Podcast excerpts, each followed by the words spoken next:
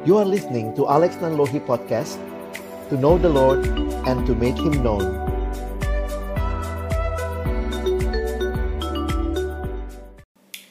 Baik, mari sama-sama kita berdoa sebelum kita membaca merenungkan firman Tuhan. Kami datang dalam ucapan syukur pagi hari ini. Terima kasih Tuhan boleh memberkati kami memberikan kesempatan pada hari ini bagi kami bersama-sama bersekutu memuji memuliakan namamu dan tiba waktunya bagi kami untuk membuka firman-Mu ya Tuhan. Karena itu kami mohon waktu kami membuka firman-Mu bukalah juga hati kami. Jadikanlah hati kami seperti tanah yang baik supaya ketika benih firman Tuhan ditaburkan boleh sungguh-sungguh berakar, bertumbuh dan juga berbuah nyata di dalam kehidupan kami. Berkati baik hambamu yang menyampaikan, setiap kami yang mendengar, Tuhan tolonglah kami semua. Agar kami bukan hanya jadi pendengar-pendengar firman yang setia, tapi mampukan dengan kuasa pertolongan dari rohmu yang kudus, kami dimampukan menjadi pelaku-pelaku firmanmu di dalam hidup kami, di dalam masa muda kami. Bersabdalah ya Tuhan, kami umatmu sedia mendengarnya. Di dalam satu nama yang kudus, nama yang berkuasa, nama Tuhan kami Yesus Kristus. Kami menyerahkan pemberitaan firman-Mu. Amin. Shalom teman-teman. Saya bersyukur kepada Tuhan buat kesempatan boleh sharing firman Tuhan dengan teman-temanku, adik-adikku sekalian. Ada pepatah mengatakan tak kenal maka tak sayang ya. Walaupun kalau sudah kenal sih belum tentu disayang ya. Saya kenalan dulu. Saya Alex Nanlohi dan saat ini saya melayani bersama dengan pelayanan siswa dan mahasiswa Kristen di Jakarta dalam pelayanan di Perkantas. Saya bersyukur buat kesempatan boleh bertemu dengan adik-adik, teman-teman dari Universitas Diponegoro ya. Kesempatan ini kita akan membaca merenungkan firman Tuhan yang saya rindu kembali menyegarkan kita waktu kita berbicara tentang ketaatan ya. Tema kita hari ini adalah obey out of love ya. Nah, secara khusus dalam persiapan saya memilih uh, belajar ya, sama-sama kita akan melihat dari tokoh Abraham bagaimana Tuhan memakai Abraham di dalam kehidupannya dan ini menjadi hal yang menarik untuk sama-sama kita coba refleksikan ya di dalam kehidupan kita. Bagian firman yang akan kita baca dan renungkan diambil dari Kejadian 12 ayat yang pertama sampai dengan ayat yang ke-9 ya. Kejadian 12 ayat 1 sampai ayat yang ke-9. Um, Kak Alex sudah tuliskan ayatnya di depan. Jadi teman-teman bisa lihat di screenmu. Kalian bisa mengikutinya. Saya akan bacakan bagi kita. Berfirmanlah Tuhan kepada Abram, ya namanya masih Abram, belum diganti. Pergilah dari negerimu dan dari sanak saudaramu dan dari rumah bapamu ini ke negeri yang akan kutunjukkan kepadamu. Ya, sambil baca saya kasih keterangan ya. Lihat yang harus ditinggalkan Abram. Negerimu, sanak saudaramu, rumah bapamu. Ya, menuju ke negeri yang akan Tuhan tunjukkan kepadanya. Ayat 2. Aku akan membuat engkau menjadi bangsa yang besar dan memberkati engkau serta membuat namamu masyur dan engkau akan menjadi berkat. Aku akan memberkati orang-orang yang memberkati engkau dan mengutuk orang-orang yang mengutuk engkau dan olehmu semua kaum di muka bumi akan mendapat berkat. Lalu pergilah Abram seperti yang difirmankan Tuhan kepadanya dan Lot pun ikut bersama-sama dengan dia. Abram berumur 75 tahun ketika ia berangkat dari Haran. Abram membawa Sarai, istrinya, dan Lot, anak saudaranya, dan segala harta benda yang didapat mereka dan orang-orang yang diperoleh mereka di Haran. Mereka berangkat ke tanah Kanaan lalu sampai di situ. Abram berjalan melalui negeri itu sampai ke suatu tempat dekat Sikem, yakni pohon tarbantin di More. Maka waktu uh, waktu itu orang Kanaan diam di negeri itu. Tetapi Nah, ketika itu Tuhan menampakkan diri kepada Abram dan berfirman, "Aku akan memberikan negeri ini kepada keturunanmu." Maka didirikannya di situ mesbah bagi Tuhan yang telah menampakkan diri kepadanya. Kemudian ia pindah dari situ ke pegunungan di sebelah timur Betel. Ia memasang kemahnya dengan Betel di sebelah barat dan Ai di sebelah timur. Lalu ia mendirikan suatu di situ mesbah bagi Tuhan dan memanggil nama Tuhan. Sesudah itu Abram berangkat dan makin jauh ia berjalan ke tanah Negeb. Nah, teman-temanku yang dikasihi Tuhan, penting untuk kita pahami waktu kita membaca bagian ini karena mungkin banyak orang yang waktu membaca ini cuma sekilas aja sebagai bacaan biasa. Tapi kalau teman-teman memperhatikan, maka perhatikan nama-nama tempat yang kita bisa perhatikan muncul di dalam ayat ini. Mungkin pertanyaan yang paling sederhana adalah begini. Apakah Abraham sudah masuk ke tanah Kanaan? Kan Tuhan janji akan memberikan tanah Kanaan itu kepada Abraham, ya, kepada Abraham dan keturunannya. Nah, pertanyaan sederhana, apakah Abram sudah masuk tanah Kanaan atau belum?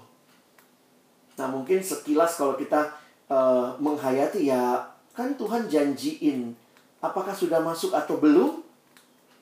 Nah, coba lihat ayatnya ya. Banyak orang bilang belum masuk, padahal kalau lihat ayat ini,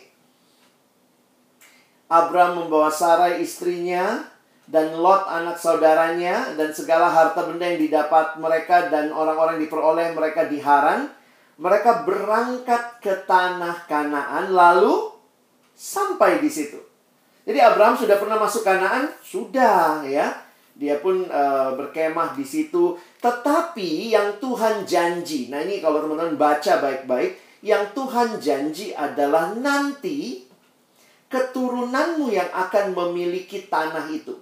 Karena waktu Abram masuk ke sana, lihat keterangan Alkitab, di ayat 6 bagian terakhir, waktu itu orang Kanaan diam di negeri itu. Jadi itu masih negerinya orang Kanaan dan Tuhan berjanji akan diberikan kepada keturunan Abraham. Itulah ayat 7.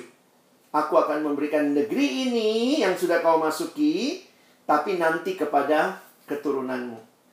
Jadi, teman-teman coba lihat petanya ya. Nah, coba uh, Kak Alex tunjukkan peta sedikit. Lihat sebelah kiri itu daerah-daerah di Kanaan, ya, daerah Israel. Ada Yerusalem, ada Sikem, ada Bethel. Tadi kita udah baca ada ayat-ayat itu, nama-nama kota itu. Nah, Abraham itu originalnya dari mana? Kita tahu bahwa Abraham dari Ur Kasdim. Itu sekarang kira-kira di daerah Irak. Jadi lihat border yang sedikit warna grey itu, itu adalah daerah saat ini. Jadi sekarang ini itu daerah Irak, kira-kira seperti itu. Nah, jadi menarik nanti jadi pertanyaan buat kita. Abraham itu dipanggil Tuhan dari mana? Coba teman-teman lihat sebentar. Coba lihat sebentar di tadi ayat yang ke Perhatikan ayat uh, kejadian 1 uh, kejadian 12-nya tadi teman-teman lihat dulu ayat 4 ya coba Kalex balik dulu ayat 4 ya kita sekolah minggu sebentar nih karena mungkin banyak sekolah minggu yang gak lulus juga nih ya Abraham dipanggil dari mana kalau lihat di ayat yang keempat Lalu pergilah Abram seperti yang difirmankan Tuhan kepadanya dan Lot pun ikut bersama-sama dia. Abram berumur 75 tahun ketika ia berangkat dari dari Haran. Loh, di mana Haran? Di mana Urkasdim? Nah, lihat gambarnya nih. Kalian ketemu Haran di mana? Haran tuh di atas. Ya. Ada Haran, sementara Ur of the Chaldeans itu sebelah kanan bawah, itu di daerah Babel, itu di situ. Nah, Abraham itu aslinya dari mana? Nah, ini kita mesti baca ya. Coba kalau kalian punya Alkitab yang cetak, coba buka. lihat kejadian 11, lihat sebentar kejadian 11, lihat di bagian ayat yang ke-31. Oke. Kejadian 11 ayat 31. Lalu Tera, Tera itu bapaknya Abraham, Terah membawa Abram anaknya serta cucunya Lot yaitu anak Haran dan Sarai menantunya istri Abram anaknya i anaknya. Ia berangkat bersama-sama dengan mereka dari Ur Kasdim untuk pergi ke tanah Kanaan. Lalu sampailah mereka ke Haran untuk menetap di sana. Umur Terah adalah 205 tahun lalu ia mati di Haran. Jadi kalau kita lihat ceritanya uh, Abraham keluarganya memang dari Ur Kasdim. Lalu ini gambarnya ya. Mereka menuju ke Kanaan tapi dia mampir ke Haran. Mungkin kalian bilang kenapa nggak lewat tengah aja itu kan langsung. Itu padang gurun teman-teman ya. Ini rute yang lazim pada waktu itu ya jadi dari Ur, lalu kemudian mereka sampai di Haran. Dari Haran baru kemudian mereka dipanggil Tuhan. Jadi, kejadian 12 sebenarnya panggilan yang kedua buat keluarga Abram. Panggilan yang pertama kapan? Panggilan yang pertama ketika Allah memanggil mereka keluar dari Ur dalam perjalanan menuju ke Kanaan mereka di Haran dan di Haran itu Tuhan panggil lagi mereka. Nah, dari situlah Abram dan keluarganya akhirnya menuju ke tanah Kanaan. Dia sampai di Sikem ya, di Bethel. Nah, itulah cerita yang kita baca tadi. Dan kalau kita perhatikan lebih lanjut lagi nanti kemudian ke tanah Negeb. Kan tadi ada kalimatnya begitu ya. Itu Bethel, itu ada Ai di situ, kota Ai dan kemudian dia menuju ke Mesir itulah tanah Negeb itu daerah yang dekat dengan Mesir teman-teman perlu ya memahami uh, peta seperti ini untuk boleh memberikan kepada kita pemahaman bahwa memang tidak mudah jadi Abraham.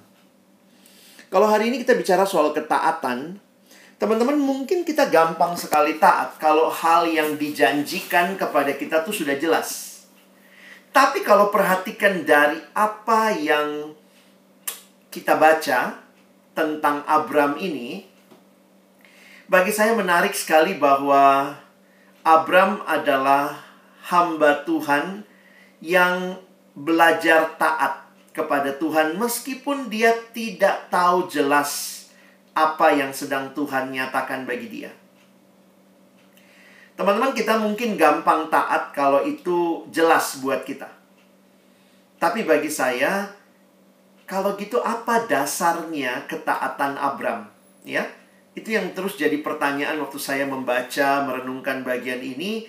Dan akhirnya saya melihat ya, apa yang jadi tema kita pagi ini, saya pikir itulah hal yang paling mendasar yang menolong orang untuk taat. Kenapa Abram taat? Bukan karena kejelasan ke mana dia pergi. Bukan hanya itu yang penting buat Abram. Tetapi kejelasan bahwa ada Allah yang mengasihi dia. Dan Allah yang mengasihi dia itulah Allah yang memimpin dia. Allah yang berjalan bersama dia. Sehingga obedience-nya Abram adalah sebuah obedience out of love. Dan di balik itu, waktu kita bicara love, tidak mungkin seorang mengasihi pribadi yang lain kalau tidak ada pengenalan. Jadi saya pikir pengenalan Abram kepada Allah yang dia tahu bahwa Allah itu adalah Allah yang mengasihi dia, itu cukup untuk menjadi alasan ketaatan buat Abram. Teman-teman, bagi saya ini jadi hal penting buat generasi kita sekarang yang belajar dari iman Abraham. Karena setiap kali kita bicara iman Abraham itu kan Abraham nggak tahu dia dipanggil menuju ke mana Tuhan nggak kasih GPS nggak ada roadmap Dia cuma tahu Tuhan panggil dia ke Kanaan, lalu nanti bagaimana sampai di sana dan seterusnya. Tapi kenapa dia taat ya? Saya ingat sebuah lagu dalam buku Kidung Jemaat. Tersembunyi ujung jalan, hampir atau masih jauh. Ku dibimbing tangan Tuhan ke negeri yang tak ku tahu.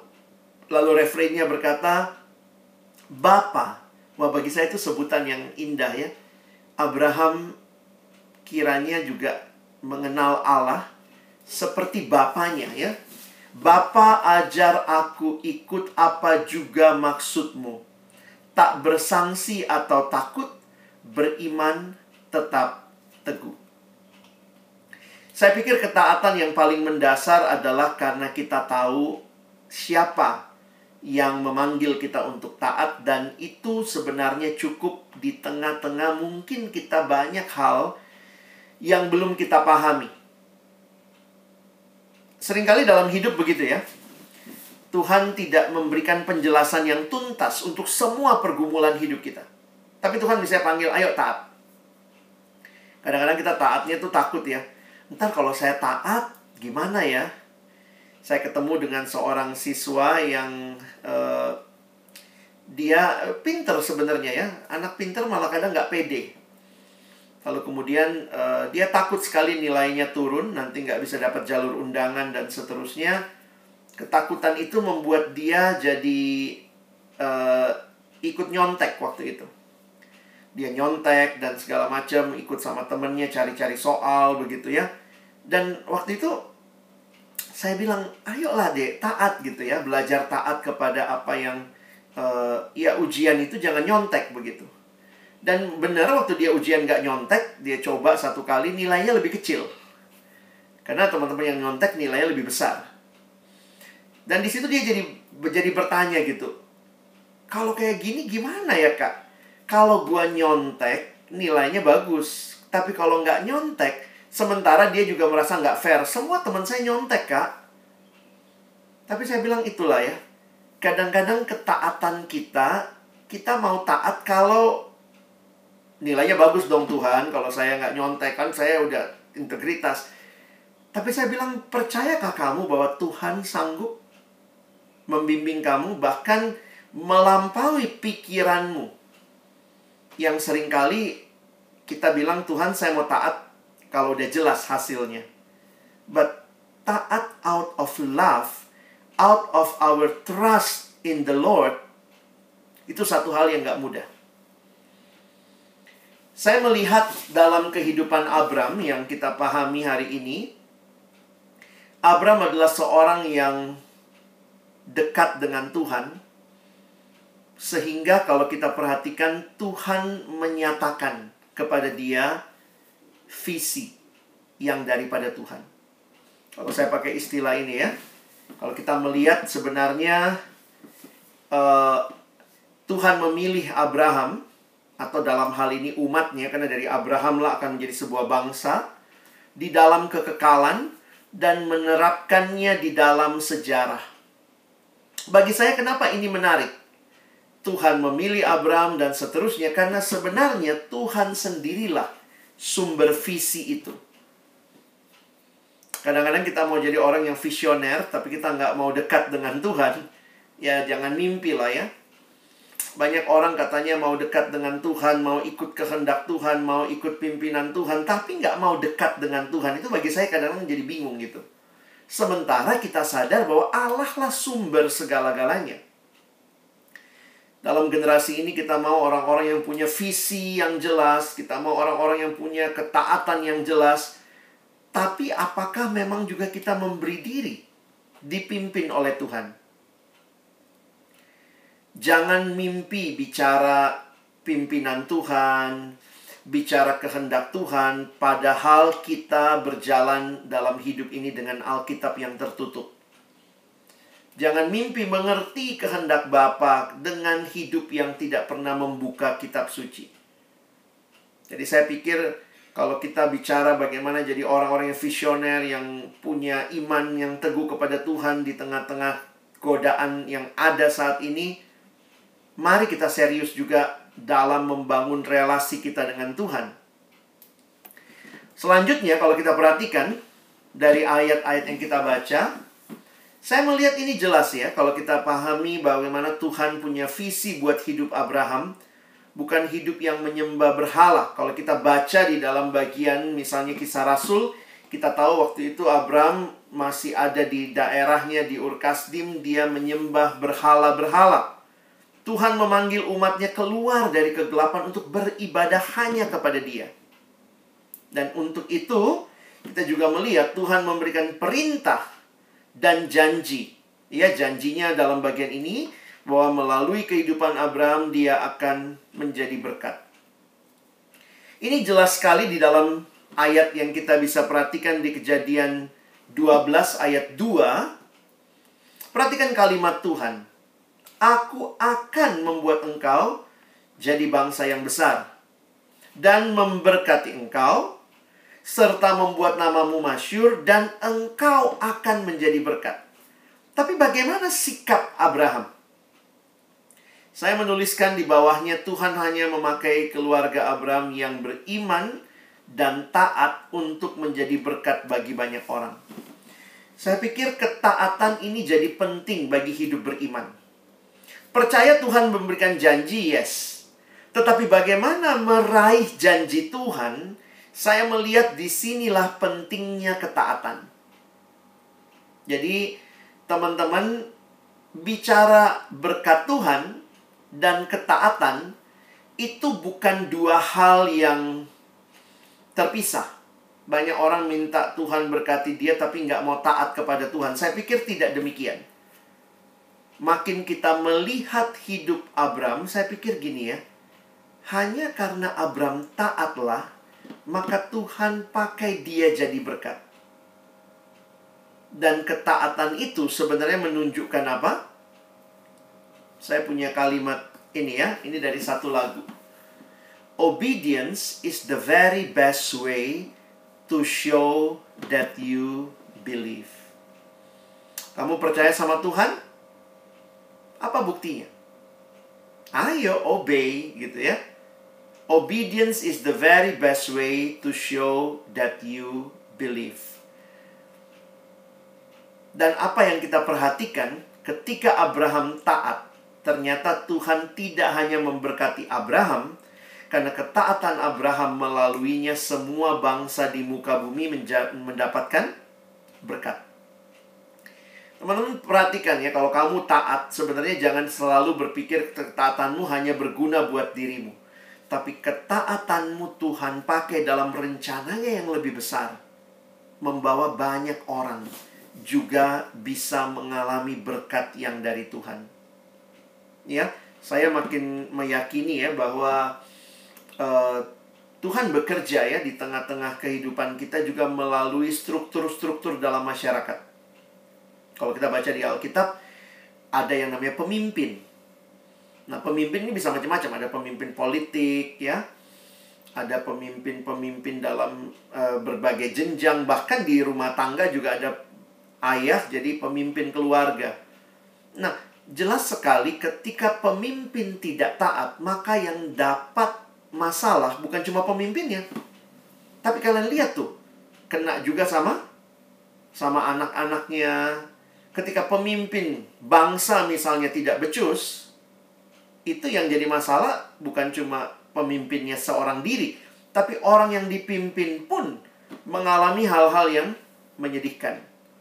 Jadi saya makin sadar betapa pentingnya ketaatan yang di dalamnya kamu dan saya sadar Tuhan sedang mau memberkati lebih daripada sekedar dirimu sendiri. Dalam perjanjian lama, ini segitiga perjanjian Tuhan ya, ini covenant of God.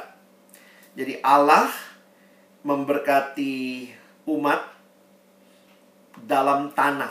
Jadi ini unik kalau kalian lihat teologi perjanjian lama itu ini terkait ya. Makanya waktu Allah berjanji sama Abraham ada konteksnya. Dan ini sebenarnya janji dengan Abraham itu adalah meneruskan apa yang sudah Tuhan buat sebenarnya sejak penciptaan. Ya kalau kita lihat kisah penciptaan, Tuhan menempatkan manusia di taman itu untuk mengusahakan taman itu. Masih ingat ceritanya ya? Jadi Allah, manusia, taman. Taman mewakili dunia sebenarnya. Makanya Tuhan bilang, pergilah apa e, beranak cuculah, bertambah banyaklah, penuhilah bumi dan taklukkanlah itu. Itu rencananya Allah. Selalu ada Allah, manusia, dan bumi.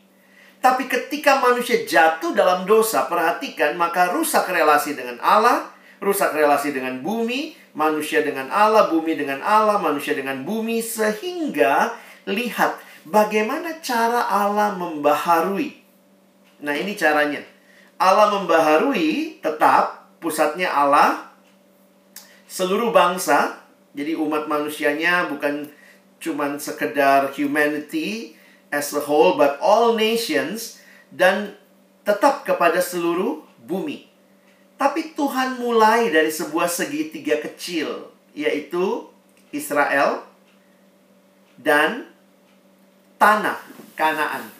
Jadi makanya kalau kalian perhatikan ketaatannya Abraham sebenarnya adalah miniatur apa yang Tuhan akan kerjakan ketika dia akan menggenapkan kehendaknya. God, all nations, and the earth itu terlihat jelas di dalam kehidupan umat Israel. God, Old Testament Israel, and the land. Makanya kalau kalian mungkin pikir-pikir, kenapa ya kita baca kalau saat teduh dari kitab imamat, aduh nanti di tanah ada hukum ini, hukum ini, Nanti kalau ada yang umatnya berdosa, apa yang Tuhan lakukan kepada mereka, kenapa begitu detail diatur hukum-hukumnya? Sebenarnya kehidupan umat Israel ini miniatur dari apa yang Tuhan sedang kerjakan di semua bangsa di seluruh bumi. Dan ingat fokusnya tetap sama. Diberkati untuk menjadi berkat. Blessed to be a blessing. Jadi teman-teman kenapa ya Kak Alex kepikir pagi ini untuk coba share sama teman-teman Jangan pernah melihat ketaatan itu cuma masalah lakukan ini atau nggak lakukan begitu ya Tapi lihatlah ketaatan di dalam kaitan kepada Allah mau memakai dirimu Untuk jadi berkat besar Bukan hanya buat dirimu Sehingga yang kita lakukan ini bukan cuma Lakukan ini apa enggak ya? Nonton pornografi apa tidak ya? Uh, saya lakukan uh, maksudnya masih punya hati yang mendendam atau tidak ya. Tapi saya ingin mengajak kita melihat lebih luas lagi. Bagaimana ketaatan kita Tuhan berikan menjadi caranya memberkati banyak orang. Ini yang terlihat dalam kitab ulangan Tuhan bilang, aku memperhadapkan kepadamu pada hari ini berkat dan kutuk. Berkat apabila kamu mendengarkan perintah Tuhan. Taat. Tuhan Allahmu yang kusampaikan kepadamu hari ini. Dan kutuk jika engkau tidak mendengarkan perintah Tuhan Allahmu dan menyimpang dari jalan yang kuperintahkan kepadamu hari ini dengan mengikuti Allah lain yang tidak kamu kenal. Percayakah teman-teman bahwa ketika kita diberkati oleh Tuhan, Jangan lupa ya, untuk kita jadi berkat bagi orang lain. Ketaatan kita adalah ketaatan yang berdampak kepada orang lain. Abraham taat. Dia percaya pada Tuhan yang mengasihi dia. Dia mengasihi Tuhan dengan taat kepadanya. Dia ikut perintah Tuhan. Dan melalui Abraham, keturunannya, semua bangsa di muka bumi mendapat berkat. Kita ingat silsilah Yesus di Injil Matius dimulai dari kisah Abraham. Jadi secara sederhana kita bisa lihat ya bahwa cerita kita bukanlah cerita individual yang terpisah satu sama lain, ya. We are living the story. Ada satu cerita besar yang Allah sedang kerjakan. Di dalamnya ada individual story, ada ada kisahmu, ada kisah Abraham, ada kisah Nuh, ada kisah Yusuf ya. Kisah semua kita. Tapi itu ternyata Tuhan pakai menjadi kisah yang lebih luas untuk membangun God's story. Sehingga ingat, tidak ada yang kebetulan ya, semua ada dalam rencananya. Waktu kita bicara sejarah, what is history? History is actually his story. It's not only my story, your story, but it's God's story. Nah, di dalam menghidupi kisah Allah ini, setiap kisah yang sedang kita jalani gitu ya, kisah kalian lagi studi di Undip, kalian lagi mungkin sedang berpacaran, membangun relasi dengan lawan jenis, kalian sedang mungkin uh, melayani, itu kisah-kisah yang kita sedang jalani yang di dalamnya terkait dengan kisah Allah. Tapi pertanyaannya apakah kita mau taat? Saya suka melihat bahwa ini kan kita mau Natal ya. Kadang-kadang saya pikir gitu ya, uh, kayaknya kan itu very simple ya. Cerita Maria sama kisah Yusuf.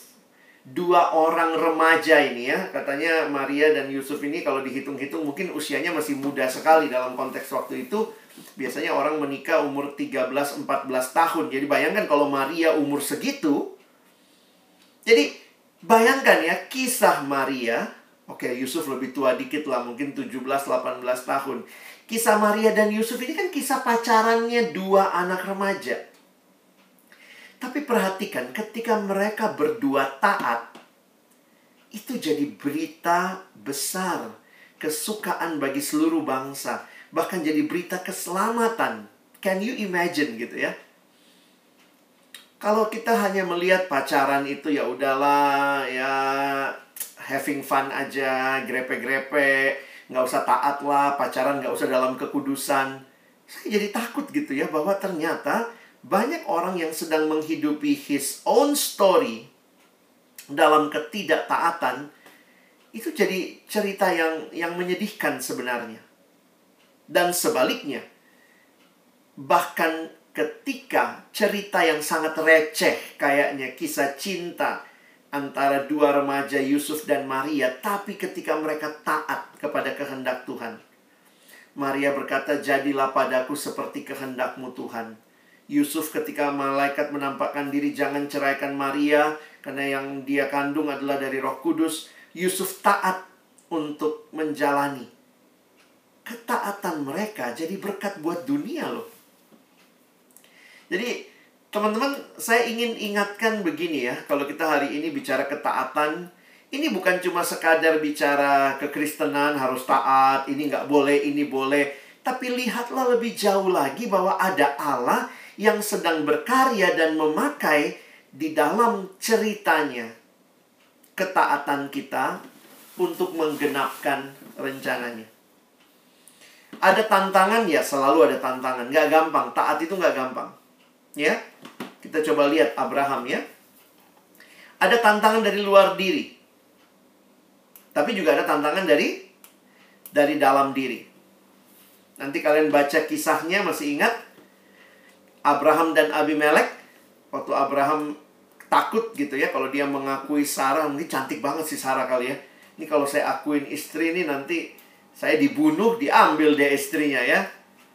Abraham katanya bapak orang beriman, percaya sama Tuhan, tapi juga ada kegagalan, dia takut dia. Dia takut sama Abimelek. Dia takut dibunuh, nanti diambil uh, istrinya. Jadi dia ngaku itu saudaranya. Memang dalam beberapa penafsir bilang ya memang secara uh, hubungan darah masih ada saudara juga Abraham sama Sarah. Tapi karena ketakutan dia tidak taat, maka Tuhan menyatakannya kepada Abimelek. Akhirnya uh, dalam mimpi gitu jadi sadar, oh wah ini dia marah bahkan sama Abraham gitu ya. Bagi saya kisah ini uh, dituliskan di Alkitab, saya pikir unik juga ya. Kalau kita tahu Abraham itu bapak orang beriman, harusnya janganlah kisah-kisah kayak gini hapus aja dari Alkitab ya. Tapi bapak-bapak uh, penulis kitab suci gitu ya tidak membuat orang-orang yang ada di dalam Alkitab ini seperti superhero yang nggak punya salahnya. Bahkan Abraham, bapak orang beriman, pernah menipu karena takut dibunuh. Kelihatan banget nggak berimannya gitu ya. Jadi ada tantangan dari luar diri, ada ketakutan juga dari dalam diri dan ini real. Kenapa uh, abang cerita ini? Supaya teman-teman bisa sadari bahwa waktu kita menjalani kisah hidup kita, tantangan dari dalam dan luar itu bisa membuat kita juga tidak taat ya. Itu tantangan yang real. Karena itu kita mesti hadapi dengan baik. Kita harus jaga diri baik-baik, kita harus belajar terus kenal Tuhan, percaya sama Dia. Meskipun mungkin banyak hal yang akan kita hadapi belum bisa kita pahami dengan utuh. Tapi di sisi lain, saya pikir cerita Abraham juga yang sangat dominan yang kita ingat. Saya pikir kisah ini ya. Kejadian 22 ayat 1 sampai 19 di mana waktu itu setelah nunggu anak sekian tahun eh pas dapat anak sudah besar eh Tuhan bilang persembahkan anakmu wow bagi saya ini pasti nggak mudah buat Abraham ya apalagi kalau kita lihat dalam ceritanya dituliskan bagaimana Abraham mengajak Ishak, Ishak sendiri pikul kayu apinya bersama bujangnya. Waktu itu kalau dia suruh bujangnya tunggu, dia naik ke atas. Dan Ishak bertanya gitu ya, e, Bapak mana korbannya? Wow, saya pikir itu pasti menyayat banget buat hati Abraham ya. Tapi hari itu, Abraham belajar untuk taat kepada Tuhan dia belajar untuk mengikuti apa yang Tuhan minta, walaupun mungkin dia juga tidak tahu bagaimana hal itu mungkin terjadi. Dan ketika dia mau persembahkan Ishak, malaikat Tuhan nampak dan menyediakan korban pengganti. Dan sejak itu kita memahami bahwa Allah Israel beda dengan Allah bangsa-bangsa lainnya Allah bangsa-bangsa lain itu banyak yang meminta persembahan korban anak. Makanya kayak Baal, ya, kayak Dewi Asyera. Jadi itu mereka memberikan apa ya banyak korban minta anak. Tapi sejak peristiwa Abraham ini bahkan kita melihat Allah Israel itu tidak pernah minta anak. Jadi bukan itu yang Tuhan mau. Abraham bukan orang yang sempurna ya Abraham dan keluarganya serta keturunannya bukanlah orang-orang atau keluarga yang sempurna. Mereka orang-orang yang juga pernah tidak taat.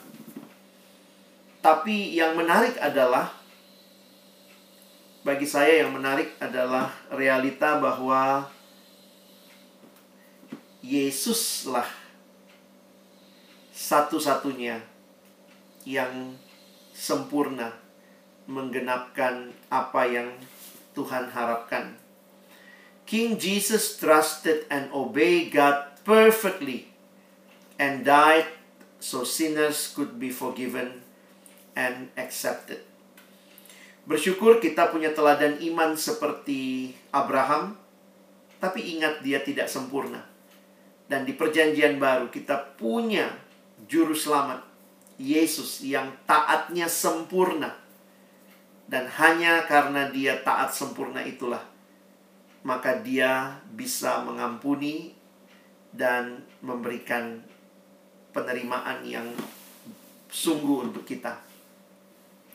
Teman-teman yang dikasihi Tuhan, kalau Yesus sudah menggantikan kita dan Dia yang sudah taat sempurna, bagaimana saat ini kita meresponi karya Tuhan, ya? untuk kita. Saya pikir di sini lebih jelas lagi tema kita siang hari ini bahwa harusnya kita yang sudah ditebus oleh Tuhan, kita taat yang lahir dari out of love. Kekristenan akhirnya melihat kita selamat bukan karena ketaatan kita. Itu mesti kita pahami dengan jelas. Semua agama bicara keselamatan adalah apa yang saya lakukan supaya saya selamat. Tapi kekristenan berbicara bukan apa yang saya lakukan yang menyelamatkan saya, tapi apa yang Kristus lakukan itulah yang menyelamatkan saya.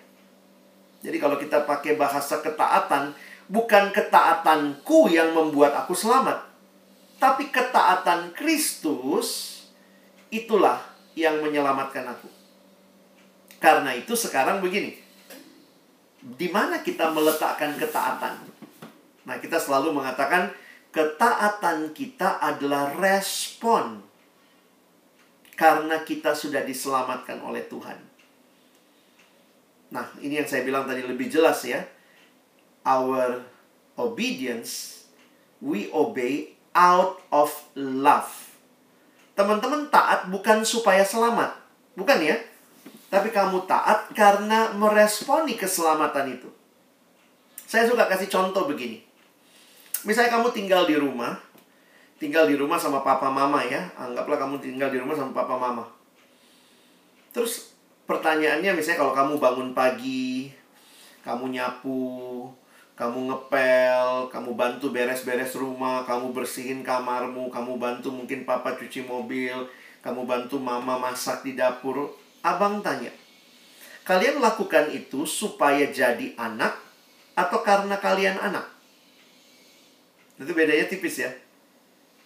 Kalian lakukan itu supaya jadi anak. Jadi habis nyapu, ngepel, bikin proposal. Kasih papa mama, terima saya sebagai anak. Mungkin papa mama akan bilang, kamu dasar anak gila gitu ya.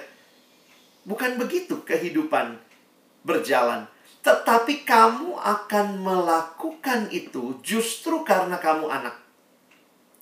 Ketaatan yang kamu lakukan bukan supaya kamu selamat, tapi karena kamu sudah selamat, kamu adalah anak Allah, ketaatanmu adalah respon out of love. You give something to God because God already gave everything to you. Kekristenan menaruh ketaatan begitu penting. Tapi bukan untuk keselamatan, tapi sebagai respon out of love dari orang yang sudah diselamatkan. Jadi jangan berpikir gini, saya mesti rajin-rajin baca Alkitab. Saya harus taat nih, Mbak. Rajin baca Alkitab supaya selamat. Oh, salah. No. Kalau begitu kamu yang kayak begitu ya, habis bikin bersihin rumah, bikin proposal. No. Kita nggak begitu. Silahkan taat. Bahkan taat dengan serius, dengan sungguh-sungguh. Out of your love. Because you know God already save you. Saya taat berikan kepadanya karena dia yang terlebih dahulu memberikan segalanya buat saya. Jadi kalian tidak rajin baca Alkitab supaya jadi anak Tuhan. No. Kalian tidak tidak rajin ibadah supaya jadi anak Tuhan. Kalian sudah anak Tuhan. Dan karena kalian anak Tuhan, maka kalian memberikan. Rajin baca Alkitab, rajin berdoa, rajin bersekutu karena kita anak Tuhan. Ya. Saya ingat kalimat dari satu ilustrasi. Nanti kalian bisa googling ya, judulnya The King, The Carrot, and the Horse. Ditulis oleh Charles Spurgeon. Jadi Charles Spurgeon cerita ini ya, ini ilustrasi. Ada seorang petani ya, dia petani, dia nanamnya wortel teman-teman ya. Jadi waktu dia, dia hidup di sebuah kerajaan, waktu dia nanam wortel itu, waktu dia panen, wow, dia bawalah wortelnya yang terbesar dan terbaik. Dia datang, dia bawa wortel yang terbesar dan terbaik kepada raja. Dia persembahkan, ya raja, inilah wortelku yang terbesar dan terbaik. Saya sudah hidup di kerajaan, terima kasih raja ini saya persembahkan wortel ini kepadamu. Wah, raja dikasih wortel ini ya. Uh, senang juga ya dia terima terima kasih ya. Nah, dan petani itu setelah dia kasih wortel ya dia balik badan dia mau pulang gitu ya Waktu dia berbalik badan, tiba-tiba raja merasa iba ya. Raja bilang, eh bentar, bentar, bentar. Saya kok sangat, sangat ini ya. Sangat tersentuh dengan apa yang kau lakukan. Jadi kemudian raja bilang begini, oke deh, saya kasih sama kamu sepertiga kebun istana ya. Coba kamu usahakan, kamu kelola dengan baik. Wah benar raja, iya benar, ya itu untuk kamu. Wah dia keluar dari istana dengan wajah yang sangat gembira. Di luar dia ketemu temannya. Temannya nanya, dari mana? Gembira amat, oh habis ketemu raja. Ngapain? Iya tadi saya datang bawa wortel, saya bawa wortel saya untuk raja. Iya terus kenapa gembira sekali? Terus kemudian dia bilang, oh enggak tadi raja ngasih saya sepertiga kebun istana. Wih, temennya dengar itu, wow, dia bawa wortel dikasih sepertiga kebun istana. Wah temennya ini pulang ke rumah, dia bukan petani, dia peternak. Dia cari ternaknya yang terbaik. Wah, dia ambillah satu kuda yang terbesar dan terbaik. Besoknya, dia datang kepada raja dan dia persembahkan sama raja. Dia datang, dia bilang, "Ya raja, inilah kuda saya yang terbesar dan terbaik." Terimalah ya raja. Ya raja dikasih kuda juga senang ya. Wah, terima kasih, saya terima kudanya. Tapi kemudian dia nunggu. Wah, nunggu ya. Habis kasih kuda sama raja dia nunggu. Waktu dia nunggu, raja bilang, "Kenapa? Kamu datang mau ngasih kuda kan?" "Iya, raja." Nah, saya udah terima kudamu. Terima kasih ya. Ya udah silakan pulang gitu ya. Dia masih nunggu aja, nunggu gitu ya. Wow, akhirnya raja sadar. Oh, dia berharap seperti temannya kemarin. Akhirnya raja bilang sama dia begini. Temanmu kemarin, petani itu, datang kepadaku memang mempersembahkan wortel itu untuk aku. Tapi hari ini, kamu datang mempersembahkan kuda ini bukan untukku, tapi untuk dirimu sendiri. Ini kata kunci, kalimat kunci dari ilustrasi ini. The gardener yesterday gave me the carrot, but you, you gave yourself the horse. Coba teman-teman ingat-ingat lagi ketaatanmu. Kamu taat supaya dapat kuda. Atau kamu taat out of love. Sehingga you obey God to give Him everything you have. Saya tutup dengan beberapa kalimat ini. Don't obey God to get things. Itu namanya penjilat. Obey God to get God. Love the giver more than the gift. God wants you to obey Him because of love. It's His love that leads to true joy. Jangan jadi orang Kristen yang gitu ya. Kalau mau ujian, rajin-rajin kebaktian, cari Tuhan, tuh nyogok semua itu. You obey not out of love. You obey to get something. Tapi bagi saya, kalau kerohanianmu benar, you obey out of love because you already know God gave you everything, then you want to obey Him joyfully dengan hati yang bersuka cita. So, this is the question for us. Bagaimana dengan saudara? Apakah saudara trust and obey? Walking with God in your life? Kita melihat Tuhan pakai Abraham di generasinya. Dan saya berdoa kiranya generasimu, teman-temanku yang dengar firman pagi ini obey God out of love. To get God, to serve Him, obey Him joyfully, bukan terpaksa, bukan berat hati. Tapi ketika Tuhan bilang taat, maka kita mau taat. Karena kita tahu dia sudah memberikan segalanya buat kita. Kiranya Tuhan menolong kita, bukan cuma jadi pendengar firman, tapi jadi pelaku-pelaku firmannya. Amin. Mari kita berdoa. Tuhan tolong kami mengevaluasi kerohanian kami. Apakah kami taat supaya dapat sesuatu? Itu bukan taat, itu namanya nyogok ya Tuhan. Tapi apakah kami benar-benar taat? Karena kami telah menikmati kasih-Mu ya Tuhan. Dan karena itu kami mau memberikan seluruh hidup kami kepadamu. Dan waktu kami taat, kami sadar bukan hanya kami yang menikmati, tapi Tuhan sedang mengerjakan karya yang indah. Banyak orang lain yang juga di sekitar kami akan menikmati berkat Tuhan melalui hidup dan ketaatan kami.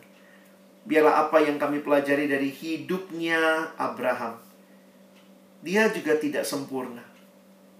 Tapi kami tahu telah datang Yesus, juru selamat kami yang sempurna, yang ketaatanmu itulah yang menyelamatkan kami. Dan kalau saat ini kami taat, itu karena kami telah mengalami kasih yang luar biasa. Kami mau mengasihimu, mentaatimu dengan sukacita. Tolong kami bukan cuma jadi pendengar firman, tapi sungguh-sungguh jadi pelaku-pelaku firman. Sekali lagi kami bersyukur dalam nama Yesus kami berdoa. Amin.